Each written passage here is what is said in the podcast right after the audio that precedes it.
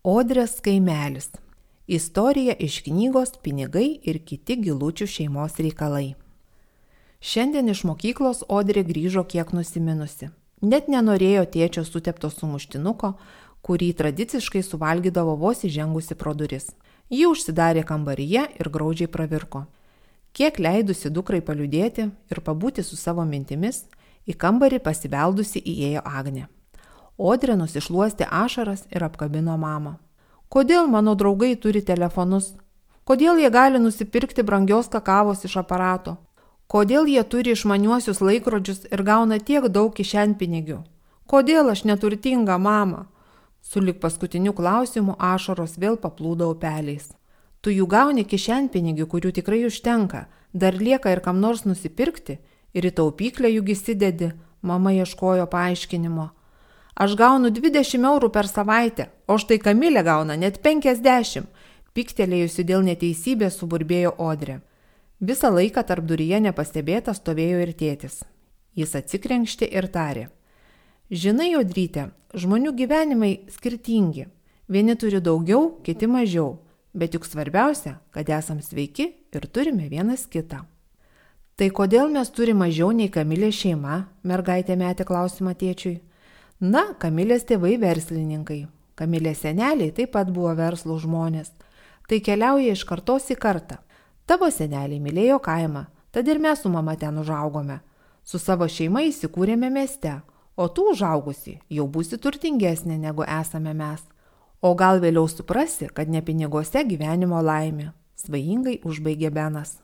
Ne piniguose laimė, o jų kiekyje, išspausdama šypseną pasakė Odrė. Šį posakį jį girdėjau daugybę kartų lankydamasi pas senelius. Kiekvieną kartą seneliui pasakius, kad laimė ne piniguose, močiutė jį papildydavo jų kiekie ir abu imdavo juoktis.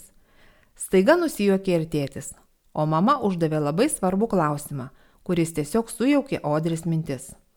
Dukrytė, o tu nepagalvojai, kad norint turėti daugiau kišenpinigių, reikėtų neprašyti, o pabandyti užsidirbti? Aš juk nemoku dirbti ir man reikia lankyti mokyklą, pasakė Odrė. Tam turi savaitgalius ir to iš pradžių turėtų užtekti, jau turėdama galvoje planą atsakė mama. Pirmiausia pagalvok, ką galėtum ir norėtum dirbti. Surašyk lape ir rytoj kartu aptarsim tolesnį planą. Visą vakarą Odrė suko galvą, kuo norėtų būti, ką galėtų dirbti ir kaip užsidirbti pinigų. Gal ne tiek, kad turėtų daugiau nei Kamilė, Mintise ji jau buvo verslininkė, gerinti brangiausią kakavą ir telefonu tvarkanti reikalus kabinete. Kabinetą įsivaizdavo visai kaip savo kambarį ir tai jai netrukdė jaustis turtingai. Ryte ji jau laukė mamos ir tėčio, kad paskelbtų savo planą būti verslininkė. Na, ir koks bus tavo verslas, pasiteiravo tėtis. Aš dar tiksliai nesugalvojau, atsakė dukra. Turiu tau vieną pasiūlymą, mirktelėdama akis užnapždėjo mama. Bet į savo verslą turėsi įtraukti mane su tėčiu bei Maju. Gerai? Gerai, priimsiu, sutiko jaunoji verslininkė. O mamos planas buvo tikrai įdomus ir Odriai labai patiko. Ji pasiūlė kartu aplankyti kaimynus ir paklausti, ar šie norėtų šeštadienio rytais sulaukti skambučio į duris. Už durų stovėtų Odrė su broliu, o rankose laikytų šviežių kaimiškų kiaušinių ar pieno. Seneliai gilučiai laiko daugybę vištų ir net kelias karves, tad šiuos produktus šeštadieniais atvežtų tėtis Benas. Agnė su vaikais suruoštų pakotes, kurias liktų nunešti kaimynams. Jei per 72 valandas nepradedi daryti, ką sugalvojai, niekada nepadarysi. Imdamas į ranką telefoną, pasakė Benas. Tada paskambino savo tėvams ir pasiūlė prisijungti prie Odrės kūrimo verslo. Jie žinoma sutiko, o ir močiutė visada sakydavo, kad neturi kur dėti tiek kiaušinių, kiek raibusios vištelės prideda. Tekdavo išdalyti, o dabar dar anūkė užsidirbti galės. Visi buvo laimingi. Odrė tiesiog skraidė padebesiais ir jau kūrė kalbą, kaip pristatys savo verslą kaimynams. Odrei, Majui ir Agniai Užteko aplankyti tris namo laiptines, kad sudarytų sąrašą iš 12 kaimynų, kurie mielai sutiko naudoti šią paslaugą.